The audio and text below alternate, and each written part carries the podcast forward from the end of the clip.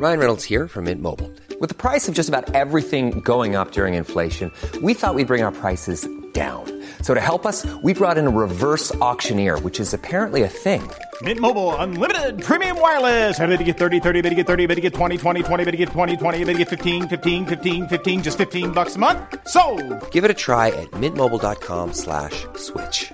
$45 upfront for three months plus taxes and fees. Promo for new customers for limited time. Unlimited more than 40 gigabytes per month. Slows. Full terms at mintmobile.com. There's never been a faster or easier way to start your weight loss journey than with PlushCare. PlushCare accepts most insurance plans and gives you online access to board-certified physicians who can prescribe FDA-approved weight loss medications like Wigovi and Zepbound for those who qualify. Take charge of your health and speak with a board-certified physician about a weight loss plan that's right for you. Get started today at plushcare.com slash weight loss. That's plushcare.com slash weight loss. plushcare.com slash weight loss. Jag vill bara säga att om ni gillar den här podden så tror jag att ni också skulle gilla vår bok Lyckligt skild, där jag och Magnus ger våra tankar och råd utifrån våra respektive separationer. Lyckligt skild och våra andra böcker, för vi skriver ju romaner och deckare också, hittar ni där böcker finns.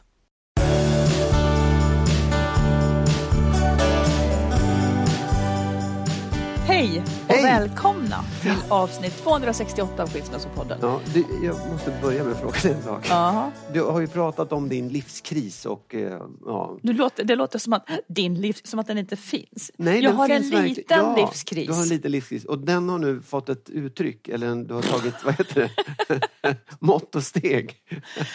och, och anmält dig till en kurs i filosofi. Ja, titta, du hånar mig. nej, ja, ja, nej, jag hånar inte alls. Jag bara undrar, vad, du har anmält dig till en kurs i filosofi. Ja. Och säg, Den vad är detta imorgon. för någonting? Det börjar imorgon? ja. Oh my god, okej. Och vad ska du få, vad är det för något? Nej, men det, du blir så fånig. Du tänker så här, hon hade en livskris, nu går hon en kurs, allting är bra. Nej, men jag nej, har ju nej. liksom, jag har grubblat över, vilket jag rekommenderar, ja, det här kom, kommer jag tillbaka till när det gäller mitt råd sen idag, Ja. sista ordet. Ja.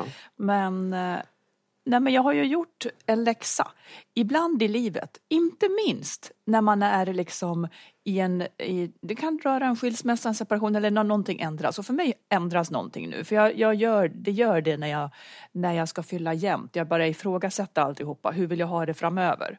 Nu har jag i alla fall kommit fram till någonting när jag nu har grubblat, som en liten del. Det kommer hända mycket. Men en liten del är att jag, behöver, jag vill ha nya sammanhang. Ja. Eftersom med åldern så, så är allting så, så jävla likt. Så jag vill nya saker. Okej, jag fattar. Eh, Och jag eh, vill gå till filosoferna. Nej, och det här kanske är jätteflummigt. Ja. För att det, är, det heter filosofikafé. Så jag, Åh. jag, ser, jag ser så roliga saker framför Ja, jag ser mig. enormt roliga Ja, saker men vi mig. får se. Ja. Jag tror på det där. Men, men vad förväntar du vad förväntar du få ut av det? Vad vill du Jag, liksom, Egentligen så förväntar jag mig att få se är det sammanhanget eller är det just här, skiter du i sammanhanget bara jag får lära mig om filosofi? Ja, jag vill lära mig lite mer om filosofi. Ja. För jag, jag, eh, jag tror att vi lider en brist av det. Ja. När vi känner meningslöshet. Alltså där finns lösningen på mycket. Det är jag övertygad om. Ja. När man hittar sin egen, om man inte är troende. Så är det där man kan hitta någonting. Ja. Tror jag. Men eh, jag vill se nya ansikten, jag vill se nya människor, jag vill höra människor säga, ja, det är samma, det är inget fel på dem jag har omkring mig, jag är väldigt förtjust i er allihopa. Men det är ju samma hela tiden. Jag måste få se något nytt. Ja, nej, men ja, det är bra. Jag tycker det är bra. Jag vill, jag vill möta svartklädda människor med slokhatt. Jag kan ha svarta kläder och slokat om du vill, men jag förstår att det inte räcker. Det kommer Så- inte räcka, nej. Nej. nej, men det är bra. Du, eh, vad ska vi prata om idag? Vi ska prata om när en i förhållandet, kanske i hemlighet, konsumerar porr. Vilket är vanligt, men också ett väldigt knepigt problem. Eh, jag har också ett förslag på vägen ut ur kriser och jag hävdar att det fungerar i, de, i, i väldigt många fall. Eh, vi har ett lyssnarbrev, en kvinna som ställer frågan kring hur man ska göra när ett barn bevittnar att, att en förälder kränker den andra. Ska man säga ifrån, vilket leder till då att det blir ett bråk, eller vad? Och sen, hur ska man agera? Hur, hur gör man när ens partner blir långvarigt sjuk eller beroende av en av något skäl? Ska man sätta sitt eget liv på paus och uppoffra sig? Eller, eller ska man bryta sig loss? Vi tar också upp begreppet fear of missing out som i högsta grad också kan gälla när man har skilt sig. Mm. Du, jag har en grej som jag undrar kring över mig själv. Ja. Eh, som är lite så här oskönt på sätt och vis. Eh, och om jag nämner det så du kommer ju känna igen det men du kanske kan sätta fingret på vad är det liksom. Ja. Eh, det, det är lite grann så här sånt som andra tycker är vackert tycker jag att jag kanske äcklas lite av. Varför skrattar du? Okej, ja, det här blir djup analys. Ja. Säg, vad är det för Nej, något? men jag, jag, jag, vissa ord till exempel. Ja. Alltså jag, jag ser att det finns en linje i det men jag kan inte, jag kan inte förstå mig själv riktigt. Ja. Sånt då, ord till exempel som jag inte tycker om är så här njutning, Ja. mår jag lite illa av.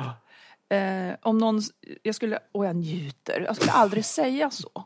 Varför, varför gör jag inte det? Och ord som intimitet blir Ja. också fel för mig. Till och med ord som sensuell.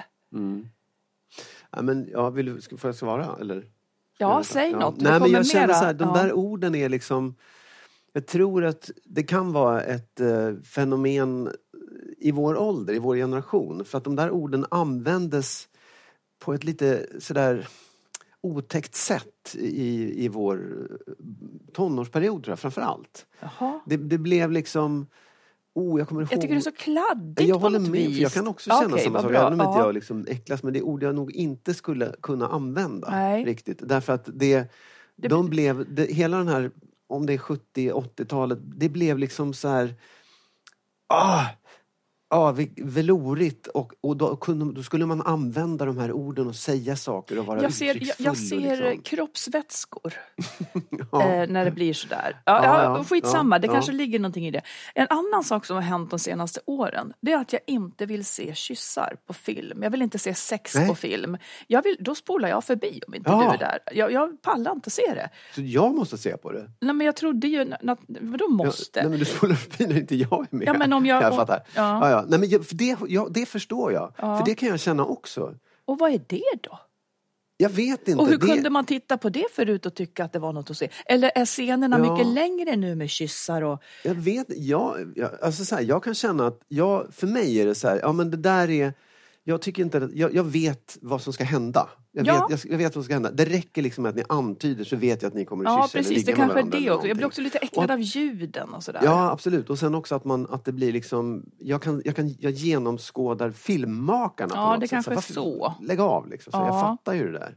Och det, det, det ger mig ingenting. Det är inte, det är liksom Det, ger mig absolut ingenting. Nej. Nej, det är inte så att man blir upphetsad Nej. av det, snarare tvärtom. Nej, man känner Okej, inte så här, en annan grej. heller. Här kommer en annan grej Mm. som verkar normal. Det här med att sova sked. Och så ska man välja om man vill vara stora skeden eller lilla skeden. Det har jag vet aldrig hört. inte. Men du vet vad det är att sova sked? Ja, ja, ja. Ja. Men jag, jag har faktiskt aldrig hört det som sådär stora och lilla sked. Ja, men du fattar vad det är. Ja, Lilla skeden är jag. den som ligger... Ja, innerst. Eller Inne, liksom, ja. Mm. Så var kniv bättre. Ja, just det. En gaffel, en kniv och ligger på Ja, olika ställen i besticklådan. Men Nej. fattar du grejen? Ja. Eh, Varför tycker jag att sånt här är hemskt? Det, det, det kan jag faktiskt inte svara på för det har du väl alltid tyckt egentligen. Inte riktigt, det blir värre och värre. Ja, ja alltså jag, det, jag, om en helt tokig analys av det Ja. är att man liksom har med åren förhoppningsvis lärt sig att separera sig själv från andra människor. Att man inte liksom har det där starka behovet av att sitta ihop som man hade när man var litet barn och som många bär med sig ganska länge också. Okej, och om det är så, så är ju det, då är det att man med åren blir mer och mer sig själv och då har jag gått åt det här hållet. Medan andra kanske vågar och vill ha mer och mer tät närhet med åren. Ja, Uppenbarligen kanske. eh, drar man då kanske åt olika håll. För det här känns mer som, som jag. Men jag är glad att du kan trivas med det ändå. Ja, ja, ja. Du, en sak som kan vara väldigt, väldigt knepigt i ett förhållande och som Ja. är väldigt stort i samhället, eh, jag skulle säga ett stort problem, är ju porr. ja.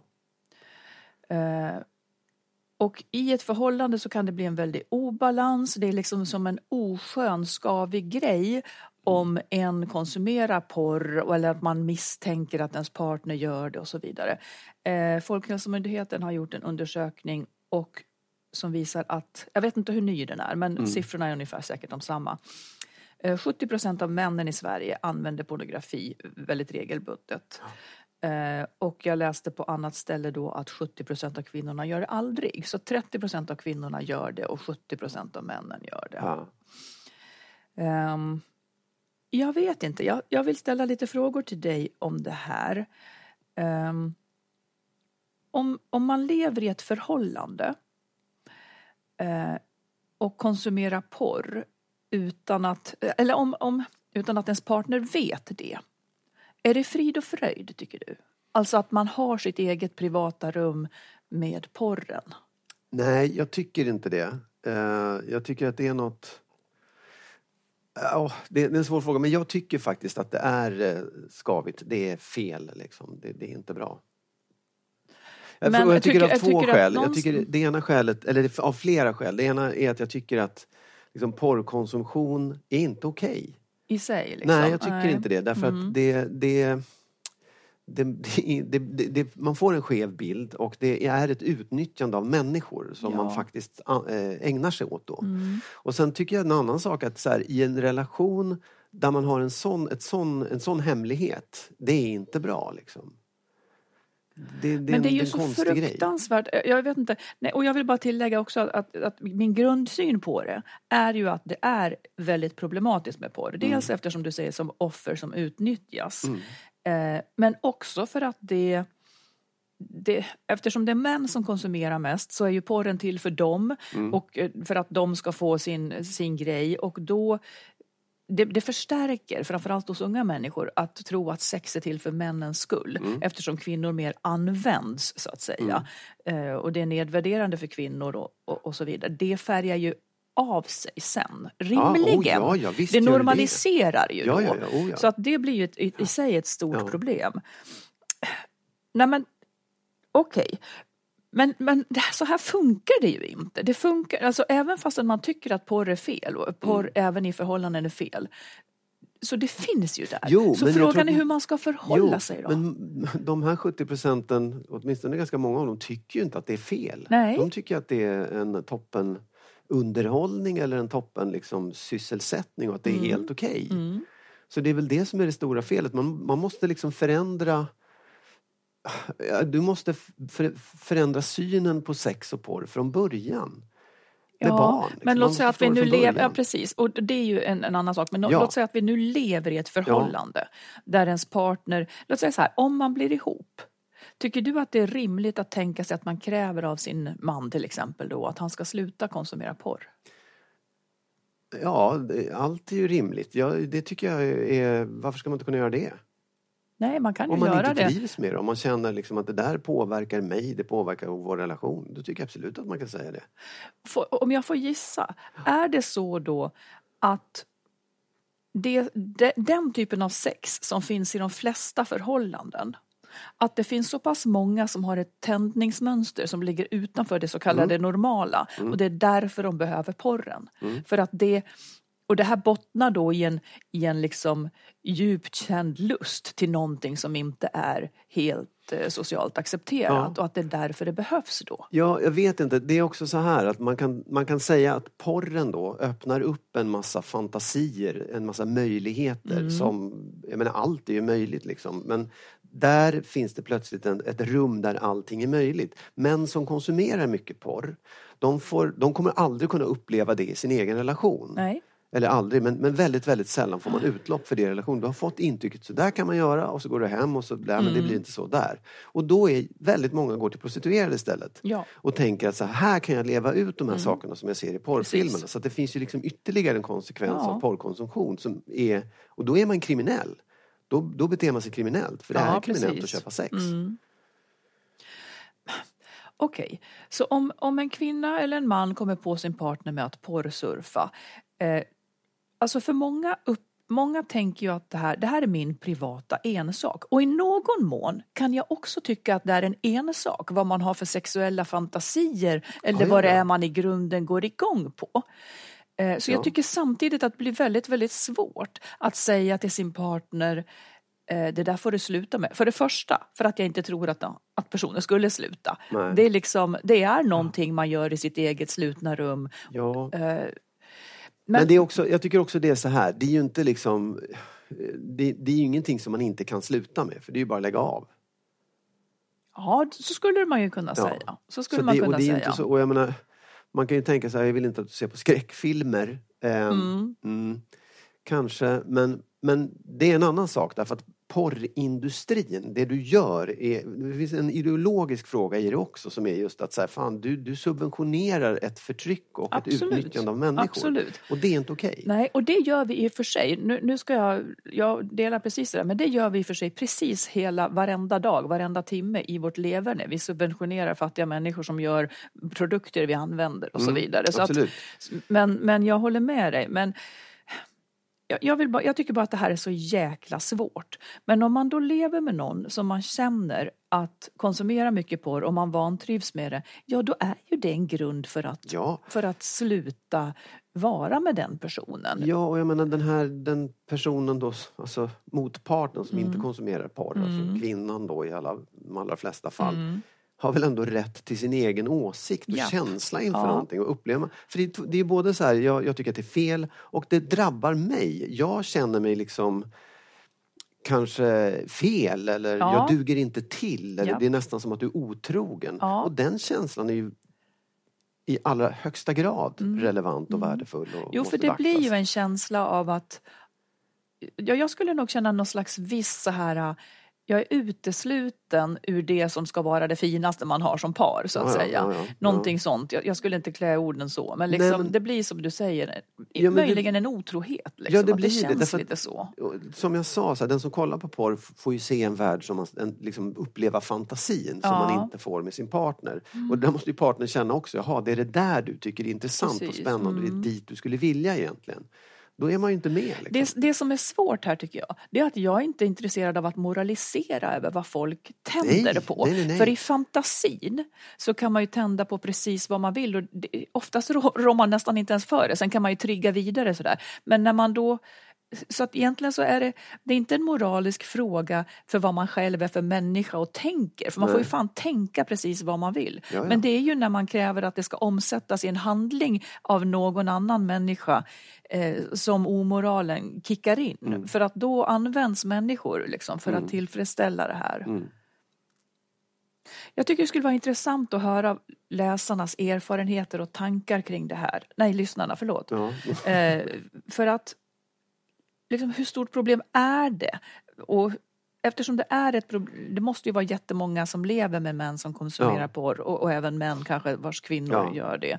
Hur slår det liksom? Så skriv gärna och berätta. Och självklart får ni vara anonyma. Och det, det inte, måste inte heller vara brev och frågor utan bara liksom erfarenheter skulle vara intressant. Mm. Faktiskt. ja, gärna. Du, ska vi ta ett lyssnarbrev? Ja, Eh, En kvinna som skriver så här. Jag och min man separerar nu.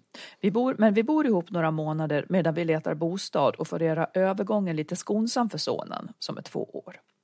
Min exman kan ha lätt att höja rösten och vara lite kränkande i sitt sätt plötsligt, eventuellt på, på grund av en dålig dag. I de situationerna är det svårt för mig att veta hur jag ska göra. Jag vill både lära min son att man ska sätta gränser när någon är otrevlig och då vill jag protestera mot min man för att visa att man inte kan göra hur som helst mot mig. Men jag vill heller inte utsätta sonen för jobbiga konflikter, vilket det lätt blir om jag säger ifrån mot min exman. Konflikterna blir ju heller inte lösta som under relationer. Det kommer liksom inte värme och kärlek och försoning efteråt som kan visa att ett gräl inte är så farligt. Hur resonerar ni? Många hälsningar och stort tack för er podd. Det där tror jag är, ja, det- men det där är ju ett vanligt bekymmer. Alltså att om, någon är otre, eh, om ens partner är otrevlig mot en och så vet man att om man svarar emot så kommer det att bli ett gräl vilket försätter barnen i en obehaglig situation. Men som hon säger, om hon inte säger något så lär hon också barnen, lär hon i det här fallet sonen då, att okej, så där får pappa göra mot mamma, det är okej. så, ja. Jag tänker också att sonen är två år, men det är klart, det känns väl av sådana saker också då förstås.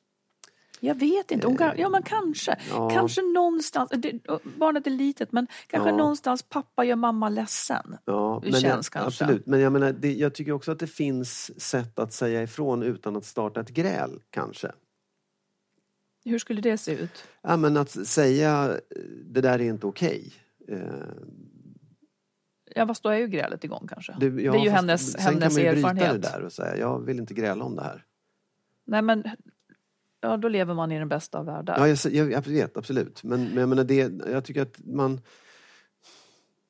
Ja, eller Nej, men också är det så om vi här. godtar problemet. Ja, eller också är det så här att man... Mm.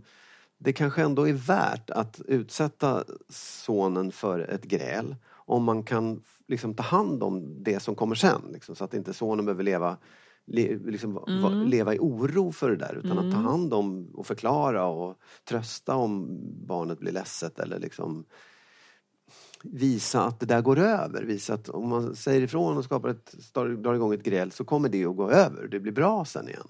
Ja, fast nu säger hon att det blir ju inte det eftersom de inte har den relationen. Nej. Eh. sen kan man också säga så att bara genom att separera så har man ju sagt att man, det är bättre att sticka då Ja, det är sant. Precis, Vilket där jag- ligger en handling. Ja. För jag tänker så här, dilemmat är ju liksom att, att inte... För det som man gör om... Ja, jag tycker det är så svårt, beror mycket också på hur gammalt barnet är. Men Ja. att inte liksom outa en orättvis partner för barnet. Eh, det, det är det man inte vill för att då riskerar man att försämra barnets och pappans Mm. relation. Man vill liksom inte att barnet ska känna slagsida, det är synd om mamma, hennes sida ska stå på. Mm. Eh, men jag tänker ofta att ett sätt är liksom att bekräfta ändå barnets intuition och känsla av orättvisa genom att i någon i, i någon lätt ton sen säga liksom kanske att Gud, jag tror att han var på väldigt dåligt humör nu, eller hur? Liksom att man bekräftar barnets känsla så att man inte förtar någons intuition. För det tycker jag är, är, är illa. Att man liksom, om ungen känner att nu gjorde pappa mamma ledsen, men mamma ser ju glad ut. Alltså då, då suddas det till. Men jag tänker också, ja, alltså man får ju heller inte sätta sig över och vara, ta tolkningsföreträde i det där. Vad menar du? Jo, men om mamma säger så oj pappa var visst lite si och så. Då, då har man ju liksom, väl, i, den bästa världen så hade ju pappan sagt förlåt istället. Men han har ju inte det. Nej, jag vet, men Mm. då, då har man i alla fall liksom byggt en slags, eh, pappa är lite si och så. Ja, men han är ju lite si och så. Ja, Förstår du? Om du gillar läget och accepterar Jo, jo, utgångspunkten. absolut. Han är ju lite si Ja. och så. Vad gör man när, när Ja, han är Men si då kan och man så? lika gärna ge fan i att starta ett gräl och sen säga till sonen så vet du pappa är dum i huvudet. Är det, är det ditt råd? Nej, men jag, jag tänker att man... Det, men det vad är ditt råd liksom i en- den här situationen? Liksom? Ja, mitt råd är kanske snarare att, som jag sa, då, ta grälet och sen ta hand om det inför sonen. Att det, det går över. Man hamnar i, i konflikter och man blir ovänner. Men sen blir det bra igen. Ja, det beror på hur läskiga de där konflikterna är. Ja, det är klart. Absolut. Men jag skulle, nästan, jag skulle nästan i det här läget ge rådet ehm, nu ska de flytta isär. Ja. Jag tänker så här, bit ihop då. Starta inga gräl. Nej. Och, och eh, för barnet är också så pass litet och man kanske kan säga, ja, mitt råd är nog sådär ah, ändå att, att jag tror nog att pappa hade haft en dålig dag nu, men nu blir han nog snart gladare. Alltså man upprättar pappan, man spelar det här spelet och det, det spelet man inte står ut med att spela och därför skiljer man sig, vilket blir korrekt tycker jag. Ja. Sen när barnet blir äldre så kommer det ju på egen hand att uppleva orättvisan, Mm. dessvärre säkert. Och då tänker jag också att man kan bekräfta barnets känsla utan att därmed avkräva barnet att det ska ta någons parti. Liksom. Och hur gör man det? Ja, men då tänker jag att, att eh, pappa var dum. Ja, gud, berätta vad var det som hände? Ja. Ja, det där är ju jättetråkigt liksom. Men inte säga, inte liksom försöka mjölka ur mer sympatier. Man får akta sig så att man Ja, inte ja. försämrar relationen för det gynnar heller ingen liksom. Men problemet ligger ju hos pappan som beter sig så här och allt går inte att släta ut heller. För lever man med en sån människa eller, eller Ja. har barnet en sån förälder så kommer det här att finnas liksom. Tyvärr. Ja, absolut. Ehm, ja, ja, ja, Du vill inte att det ska finnas. Jo, det är inte det. Nej, men jag bara tänker så här, det är ju alltid, det är så himla svårt att, att avgöra i en sån här situation vad det är som faktiskt händer. Ja. För det kan ju också vara så, det, man är ju alltid två parter i det här. Och han kanske har ett, ett hetsigt temperament men hon kanske också är en person som liksom drar igång saker. Förstår du? Som retar upp eller gör saker som får honom att bli förbannad. Han måste ju också ha en chans att säga så här, jag tycker det är jättesvårt när mamma beter sig på det där sättet för jag blir Men arg. han, det då." får han väl göra? Ja, precis. Det får han väl göra. Ja, men... men- nu är det inte han som bryr sig och skriver in här. Nej, han nej. kommer hem och är, på dåligt humör. Ja. Känner man igen det eller inte? Liksom? Det är väl liksom ganska klassiskt så här. Någon kommer hem eh, och är trött efter dagen, tar ut det som har Ja, hänt hemma. Ja, visst, absolut. Det, det är ju liksom... Ja. Det gäller naturligtvis samma sak om en, om en man är hemma och bekymrar sig för barnet, hur, barnet mår och hon kommer hem och är otrevlig. Ja, då, då kan man också Ja. tillämpa det här. Liksom. Precis. Vi kan inte trolla bort det. Nej, absolut inte. Men det är en, en eh, komplicerad situation just för att man är två om det också. Är man alltid Tre, två om problem? Ja. Det, det finns inga skitstövlar. Jo, så här. Jag har ju rätt i min åsikt om att du är en skitstövel. Och du har lika rätt i din åsikt om att jag är en skitstövel. Mm, men för- men- Problemet är ju att man har ett barn som står emellan det här. Ja. Och vem ska då ha företräde i att säga det är den som är dum eller inte? Liksom, och jag tycker si och så här ser det ut, han var visst arg eller så. Det, det är ju en... Men det är det, mer det var inte det jag frågade om. Nej. Utan i ett par, Mm. Jag vill bara fråga detta. Finns det människor som i sig skapar problem? Alltså skulle man, finns det lägen där man kan säga att det är två, att det, man säger liksom det är bådas fel, eller Ja. heter det? Det är inte ens fel att två... Precis. Men ibland kan det för fan inte vara så att det en, om en är otrogen, om en kommer hem och slår den andra. Jo, är absolut. inte det någons fel då? Självklart, men, men det, det, där, då är man ju faktiskt kriminell om man slår någon. Ja, Då- då men då man är man fel. ju, då, då, precis. Ja. Men, men det finns ju också lägen innan. Mm. Som, som svävar på gränsen till det kriminella. När man är otrevlig, hotfull så att folk i, i, i hemmet känner sig oroliga. Mm. Ja, absolut. Jag- det är jag- mycket vanligt. Jag vet, ja, visst, absolut. Det är inte dem jag pratar om, men, men jag tror att vi måste Nej, släppa men jag, tror, jag tror att det kanske är de vi pratar om i Okej, det här fallet. Ja, Då är vi överens. ja, tack. Bra att du skiljer dig om du känner så här, Ja, det tycker jag verkligen. Eh, För att det är ju på något vis en olöslig grej Ja. och barnet kommer absolut i kläm. Kan också bli bättre relation mellan barnet och pappan Det när tror, de jag separerar. också. det tror jag också, att han kanske också får en annan attityd till sig själv och hela tillvaron Mm. och därmed också till barnet. Ja. Life is full of awesome what ifs, and some not so much, like unexpected medical costs. That's why United Healthcare provides Health Protector Guard fixed indemnity insurance plans to supplement your primary plan and help manage out of pocket costs. Learn more at uh1.com.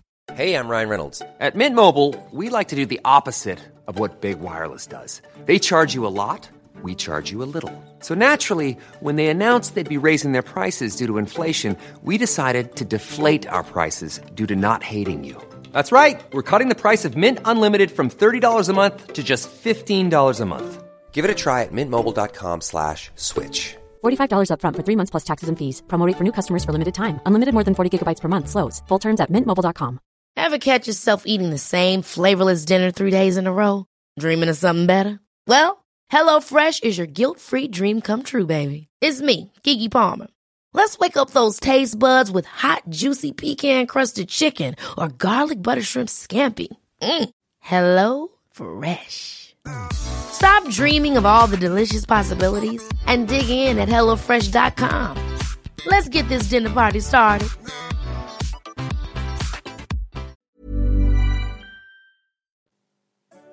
Jag och Magnus har ju också skrivit böcker. Min senaste bok, som är en nyutkommen relationsroman, heter När underbart inte är nog.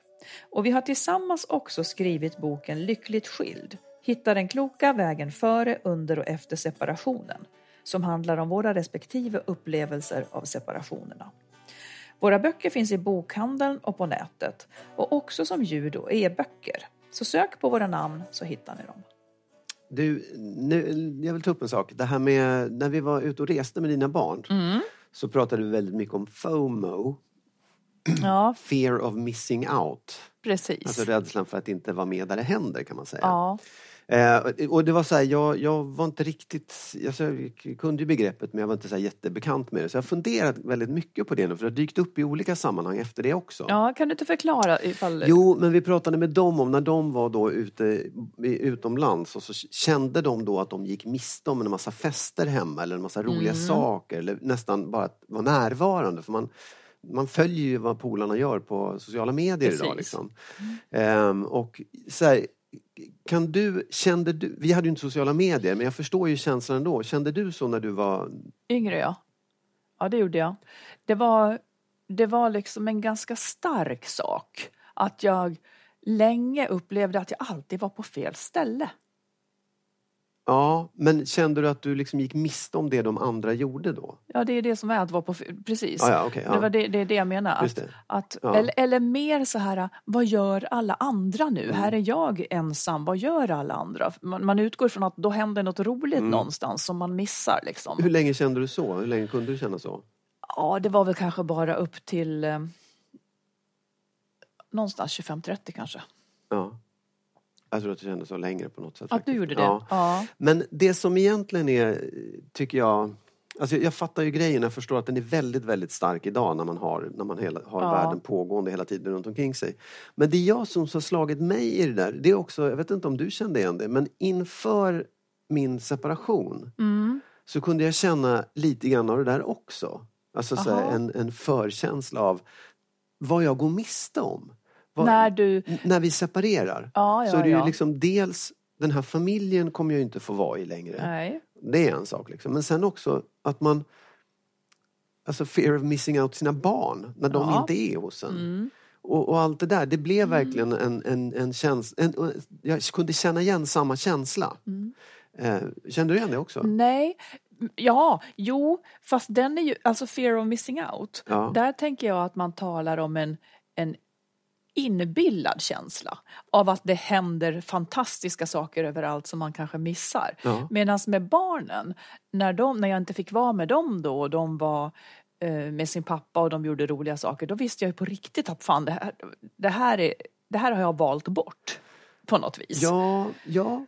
Fast jag tycker ändå att det är nästan exakt Ja, ja. samma sak. För att, så, här, jag, jag, var, jag, jag är inte delaktig och det är inte det att och en sak är att man längtar efter sina barn men det andra är att jag får inte vara med när de gör de här sakerna. Nej. Jag får inte vara med liksom i... De kanske har ett sammanhang, de kanske är på landet, de kanske är där och jag får inte Ja. vara med på det. Och den är ju jättedubbel för jag hade ju ingen lust att vara med heller. Nej, jag vet. Men den fanns där Ja. liksom. Nej men usch ja. Och det där är ju, jag, jag tänker också för jag och min exman när vi gör saker med barnen, även nu fast de är stora, så skickar vi bilder till varandra. Ja. Och, eh, och han vill att jag ska skicka bilder. Men jag känner att det här, det här hör inte riktigt ihop men det hör ändå ihop. Att om jag tar en bild på oss fyra när vi kanske är ute och äter eller gör något roligt. Då tänker jag att då skickar inte jag den till honom. Nej. För jag tänker att där blir det som att han skulle kunna placera in sig Precis. i den här. Det är inte så att han vill vara ihop med mig. Men Nej, han skulle ja. kanske vilja uppleva Ja. det här med barnen. Och det är sammanhanget. Liksom, Ja, gruppen. precis. Ja. Det sammanhanget. Eh, för då, då läser jag in att han skulle kunna tycka att det var plågsamt. Och för mig skulle det kanske också vara plågsamt om jag såg liksom bilder, för han skickar nog inte bilder på sin tjej heller Nej, ihop nej. med barnen. Utan det är mera... Och det där är väl av hänsyn på något vis för att man inte ska känna det här äh, Åh vilken fin situation som jag nu inte får vara med i. Liksom. Mm. Ja, jag läste någonstans, det var ju bara en teori om vad det här är. Att det är den här känslan av att, alltså den urkänslan Ja. av att eh, inte vara utesluten ur gruppen, Precis. ur flocken. Liksom. Precis. Och det är väl det bara, den, det är också, den, den, det finns något skamligt över det också tycker jag. Vadå att, man känna inte fick vara med? Eller ja, vadå? nej, att men att man är också lite fånig som har det där. För jag ska minsann, jag gör väl vad jag vill. Mm. Att man blir lite, man känner sig lite beroende av den här gruppen Ja. också. Eh, Det är väldigt skönt när det där går över tycker Ja. jag. Och jag vet inte hur processen ser ut. Det kanske bara är erfarenhet till slut att säga ja, det finns en fest, men hur roligt brukar det vara? Eller något sånt där. Eller att Mm. Ja. man själv har liksom skaffat andra. Det sociala är ju så otroligt viktigt när man Ja. är ung. På något vis. Ja. Att, att ingå i en social grupp, Ja. kanske av det här ursprungliga. Men det kanske är, det är väl det som vi har pratat om också, att man, att man frigör sig mer och mer ifrån gruppen och blir mer och mer sig själv. Kanske ju, ju så, ja. Mm. mer man får leva. Liksom. Ja. Ja, ja. FOMO. FOMO. Du, vi pratade förra veckan om uppoffringar. Hur stor del det ska ha liksom i, en, i Ja. en sund relation. Och eh, vi var väl båda kanske lite överens om att och, om att uppoffringar egentligen, ja de måste finnas men idealet är på något vis att man inte ska känna att man uppoffrar sig eller bygger någon slags skuld. Eller jag Mm, vet ja, inte vad ja, vi sa. Hur, ja, liksom, ja, det är i alla fall inte en, en prio-grej liksom så Nej. för oss som vi sa där. Eh, och då fick vi ett lyssnarbrev. Eh, får jag säga, nej, jo, vi tar det så här. Mm. Vi fick ett lyssnarbrev som, som ifrågasatte det här vi sa. Och hon skriver så här. Jag lyssnar på veckans podd under en härlig skogspromenad och jag måste göra en invändning och tycker att ni glömde en angelägen aspekt av uppoffringar. Kanske är ni för unga för att ha råkat ut för livsavgörande förändringar som sjukdom och död. För de ställer uppoffringar i ett nytt ljus. När en part i en kärleksrelation blir sjuk eller gammal eller ligger för döden, då är inte uppoffringar något man förhandlar om, åtminstone inte till att börja med. Men vad som händer på lång sikt är svårare att ta ställning till, eller hur? Eh, Ett viktigt filosofiskt faktum är ändå att vi människor är beroende av varandra. En närstående till mig fick en allvarlig stroke i 40-årsåldern. Hans fru gjorde enorma uppoffringar under flera år, men till slut flyttade de isär, vilket man kan förstå. Och så berättade hon att när hon bröt armen så, så liksom hjälpte hennes man henne mycket och nu får hon hjälpa honom mycket när han har ont i ryggen och så vidare. Ehm, eh, och hon menar att de här uppoffringarna gradvis då med åren rimligen Mm. blir Ja, ja. större och att det hör till livet. Och så skriver hon, jag skulle uppskatta om ni vågade ta tag i den här frågan också. Hur ska ni orka bli gamla och sköra tillsammans? Kanske kommer livet att kräva nya upp- uppoffringar eller kärlekshandlingar för varandra. Och det där behöver man ju nästan inte vara, bli gammal för. För jag menar allt ifrån depressioner Mm. till, det- det, det finns ju mycket som kan hända. Och hon har ju rätt i att, att eh, där är ju inte vi riktigt. Ehm, Nej, men... och, hur, men och om vi tar frågan, ja säg. Ja, nej, men jag, jag, jag förstår, jag, jag fattar ju eh, liksom resonemanget. Jag vill bara säga det att jag var nog förespråkade uppoffringar för jag tycker att det är en viktig del i en kärleksrelation. Mm. Även om liksom, det, det måste också göras med kärlek. Det måste göras utan egentligen krav på att, att få någonting tillbaka. Ja, men det, måste det, finnas är en också, balans i det är också lätt när, det, när man inte har problem. Så att Ja, säga. absolut. Mm. Men, men det jag tänker är också så att det, som hon beskriver de, de här 40-åriga paret. Att Ja. Det är ju lite samma sak där. Det är klart att om man älskar någon och den råkar ut för någonting, om det så är liksom en permanent eh, långvarig sjukdom eller, Mm. eller liksom defekt. Så, så har man ju valet att göra en uppoffring då för att man är, älskar den här personen och vill fortsätta att leva i det. Och det, är ju, det måste man ju göra om man vill fortsätta. Mm. Så, så den är ju liksom självklar på något sätt. Men som hon beskriver så de separerade och flyttade isär efter ett tag också förmodligen för att hon kanske inte orkade med de uppoffringarna. Eh, och det där, jag tycker liksom inte att man kan skuldbelägga någon så att säga så här, jaha, så du orkade inte, det var dåligt, man ska uppoffra sig för varandra. För det finns gränser för det också någonstans. Sen är det klart, det är, visst, det är lätt för mig eller för oss att sitta och prata om, ja men si och så ska man göra då och då när det där händer. För vi har, det har man inte råkat ut för det, mer än att vi har haft föräldrar och, och bekanta som har varit Absolut. sjuka eller dåliga. Så här. Men, men, men jag, jag tycker inte att det är klart att jag tycker inte att man ska eller kan leva ett helt liv utan uppoffringar. För det Nej. ett ganska tråkigt liv och ett ganska Eh, liksom, ja, kärlekslöst på något sätt, händelselöst liv. Och sen tycker jag också att det är man måste ju liksom värna om de som är svaga, även sina medmänniskor som har varit starka men blir svaga. Och då får man ju göra vad man kan för att hjälpa dem, självklart. Eh, ja, och jag skulle vilja säga en sak som jag tror också att vi kanske blandade ihop alltihopa med. För att jag tänker på det här att vi har pratat förut om kärlekens olika språk. Att vad får mig att känna mig älskad? För en del människor är just tjänster och uppoffringar det som får dem att känna sig älskade. Det är så att säga inte mitt kärleksspråk och därför kanske det väger lättare. Mitt kärlek, liksom det som jag känner mig älskad av det är när, när jag får vara med dig och du ger mig, om inte du gav mig din tid så skulle inte jag känna att du älskade mig. Men om du, liksom, det- är mycket viktigare för mig än att du gör tjänster eller Ja, ja, uppoffringar ja, ja. för mig. Eh, Så att där är man ju olika, men jag vet att för en del är just uppoffringar tecknet på kärlek. Man, man är ju olika där. Men det som jag tänker också är ju att vi har ju, vi har ju ingen aning om Alltså det är inte så att jag har idealet att man inte ska uppoffra sig när det behövs. Eh, jag kan bara inte förutse. För situationen är, fortfarande så okänd. Vad är det vi kommer att hamna i? Någonting kommer vi att hamna i. Det, det ska man ju veta, det gör alla. Och hur man då ska... Jag vet, att vi, jag, jag vet inte om vi var lite dumma förut, för någon gång för länge sedan sa vi, när jag frågade dig så här, eh, om du skulle bli allvarligt sjuk eller få en hjärnblödning och sitta i rullstol och, och så vidare, då, då tyckte du att jag skulle lämna dig. Liksom. Har jag sagt. Ja, det har du sagt. Eh, Ja, och, och nej, lite men- ömsesidigt, ungefär som att Ja. vi skulle släppa varandra fria. Men det är så många aspekter man då...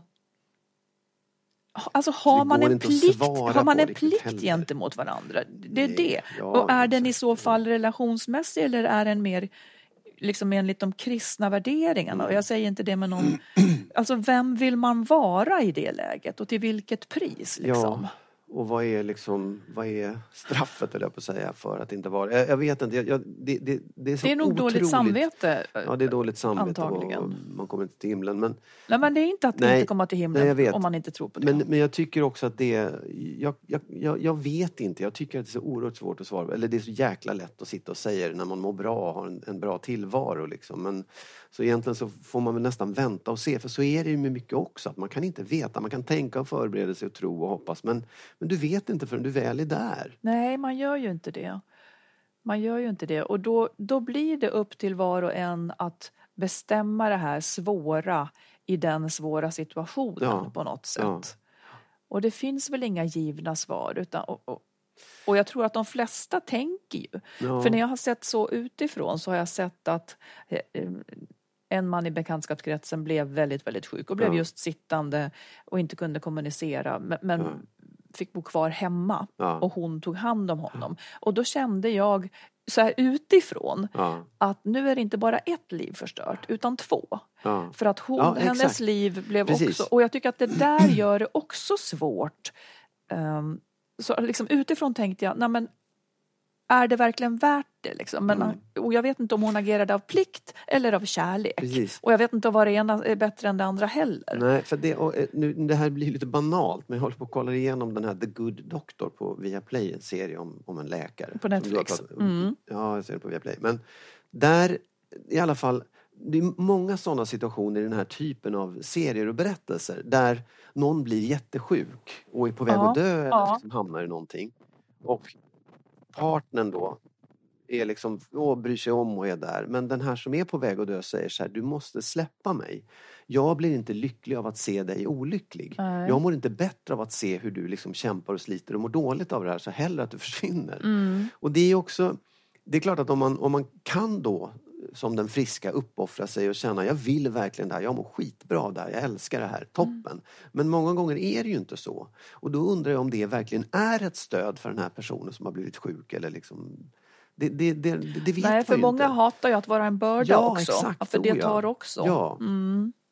Hellre då sitta ensam under en sten liksom för att bara, då, det, det här är min sak. Ja. Men återigen, man har ingen aning. Det går Nej. inte att svara på. Liksom. Inte ens kanske om man har varit med om det. Jag har varit med om det på sätt och vis med mina föräldrar. Liksom. Det, det, jag kan inte svara på det. Nej. Precis. Men, men jag tycker att där är liksom extrema situationer. Det, det är ju liksom någonting som kommer vid sjukdomar. Jag tycker att det vi pratade om uppoffringar i en relation som är de här mer normala, Ja, som är kärleksbetygelser Mm. på ett sätt. Där är kanske viktigare att vara noga med att man gör det utan att begära någonting tillbaka och att det finns en balans. Ja, att man inte precis. känner att man blir utnyttjad Mm. eller gör det för mycket. Mm. Så. Ja, men tack för brevet. Ja. Det var bra att du frågade. Du, har du något sista ord till oss idag? Ja, men då handlar det om filosoferna. Oh! Ja. Mm. Nej, men jag är ju då, eh, sen unga år så är jag existentialist. Mm. I grunden så handlar det om att man inte att, att man liksom tänker att varje människa, att jag, eller jag tänker att jag har möjlighet att i stor mån välja mitt liv. Alltså att det inte är förutbestämt, eh, att jag kan häva mig bort ifrån var jag kommer ifrån och i varje situation så har jag möjlighet att välja åtminstone hur jag ska förhålla mig till det om det inte finns något annat att välja. Eh, och i det här då som vi kallar min livskris. Jag vill säga att den är inte så svår. Jag, men, Nej, den, nej. men, men den har Ja, gjort ja, men- mig den har gjort mig tungsint, eh, tappa lite livslust eller tappa lite glädje i tillvaron och så vidare. Och det här är då för mig som existentialist ett tecken på att det är någonting i mitt liv där jag inte så att säga lever i samklang med, med det som jag vill. Mm. Och det kan bero på olika saker. Det kan bero på att jag har ändrats eller det kan bero på att, att min omgivning har ändrats. Mm. Och jag vill bara tipsa om, för jag ramlade då över eh, en, en ganska ny terapiform Mm. som jag läste om som heter existentiell psykoterapi. Jag läser lite om Mm. den nu för jag tycker att att, eh, här nämner man också liksom relationsproblem och Mm. äktenskapskriser. Jag läser lite om hur de be, be, beskriver sig. Existentiell psykoterapi är särskilt användbart i situationer som klienten kan definiera som en livskris. Det vill säga då det van, vanda sättet att leva har kollapsat eller ställts på ända genom någon yttre händelse som förlust, skada eller skilsmässa eller genom ett förändrat förhållande till sig själv i form av ålder, förändrade värderingar eller insikter. Om man bara pausar där så är det ju så att det är ju det här som händer med oss människor. Vi förändras ju över tid och kanske ändrar oss. Och så sitter vi i en livssituation eller på ett jobb eller någonting som plötsligt, får, som plötsligt ter sig lite meningslöst eller negativt. För att vi plötsligt vill något annat. Och det är det som blir en kris.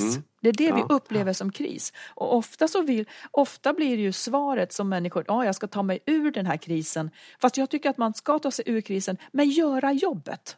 Och noga titta på, vad är det jag vill nu då? Vad är det som är viktigt? Jag fortsätter läsa. Uttrycken för en sån kris kan skifta, men visar sig ofta i vad som kallats utbrändhet eller depression, upplevelse av meningslöshet och tomhet, brist på glädje och livslust. I forskning har goda resultat särskilt visats av existentiell terapi för deprimerade och traumatiserade klienter eh, samt vid somatopsykiska problem samt vid äktenskaps och relationsproblem. Kort sagt, i, i alla lägen då man behöver ompröva sin livssituation är den existentiella terapin ett möjligt redskap för att återfå livslust, mening och riktning i tillvaron. Och det här låter ju som en säljtext för den. Och jag skulle aldrig läsa den om det inte vore så att jag på djupet verkligen tror på det Ja, här. ja. För att det, och det är mera som att ja, det stärker vad jag alltid har tänkt. Att när man mår dåligt så kan det vara för att det finns ett glapp i hur jag lever i förhållande till vad är mitt önskade Marit-liv? Liksom? Vad, vad är ditt önskade liv, Magnus? Hur du, sen får man inte allt man önskar.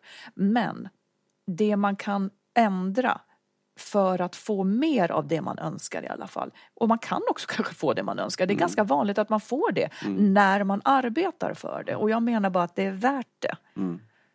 Och om man upplever att man sitter väldigt, väldigt fast så kanske man kan hjälpas av att okej, jag är överens med mig själv om att det får vara så här nu i några år.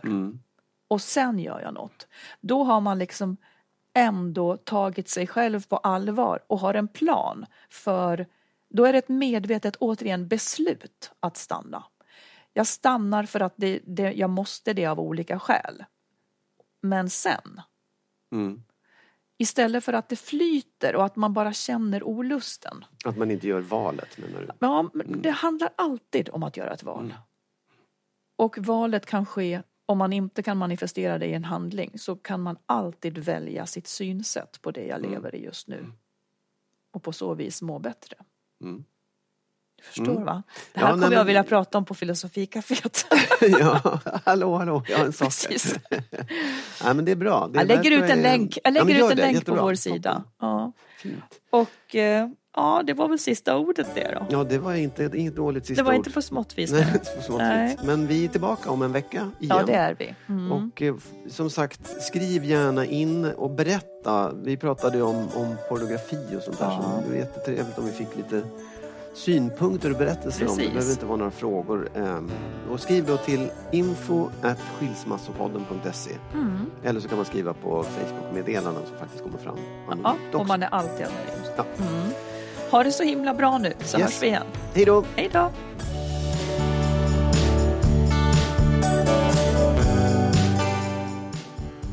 Vi vill förstås tacka alla er som är med och stöttar podden.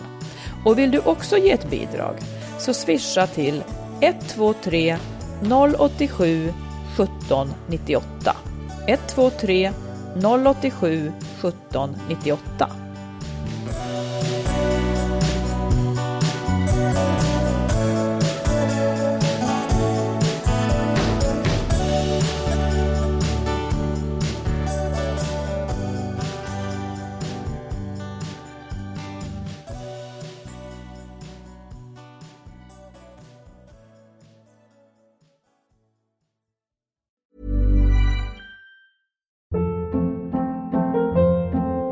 Hold up. What was that? Boring. No flavor. That was as bad as those leftovers you ate all week. Kiki Palmer here, and it's time to say hello to something fresh and guilt-free. Hello Fresh. Jazz up dinner with pecan-crusted chicken or garlic butter shrimp scampi. Now that's music to my mouth. Hello Fresh. Let's get this dinner party started. Discover all the delicious possibilities at hellofresh.com.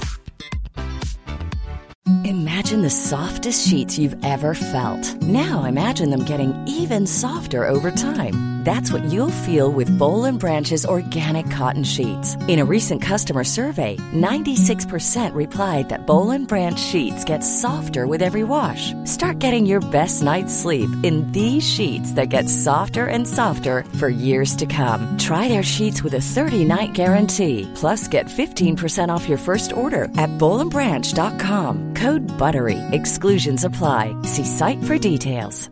Hi, I'm Daniel, founder of Pretty Litter. Did you know cats tend to hide symptoms of sickness and pain? I learned this the hard way after losing my cat, Gingy. So I created Pretty Litter, a health monitoring litter that helps detect early signs of illness by changing colors, saving you money and potentially your cat's life. Pretty Litter is veterinarian developed, and it's the easiest way to keep tabs on your fur baby's health right at home. Go to prettylitter.com and use code ACAST for 20% off your first order and a free cat toy. Terms and conditions apply. See site for details.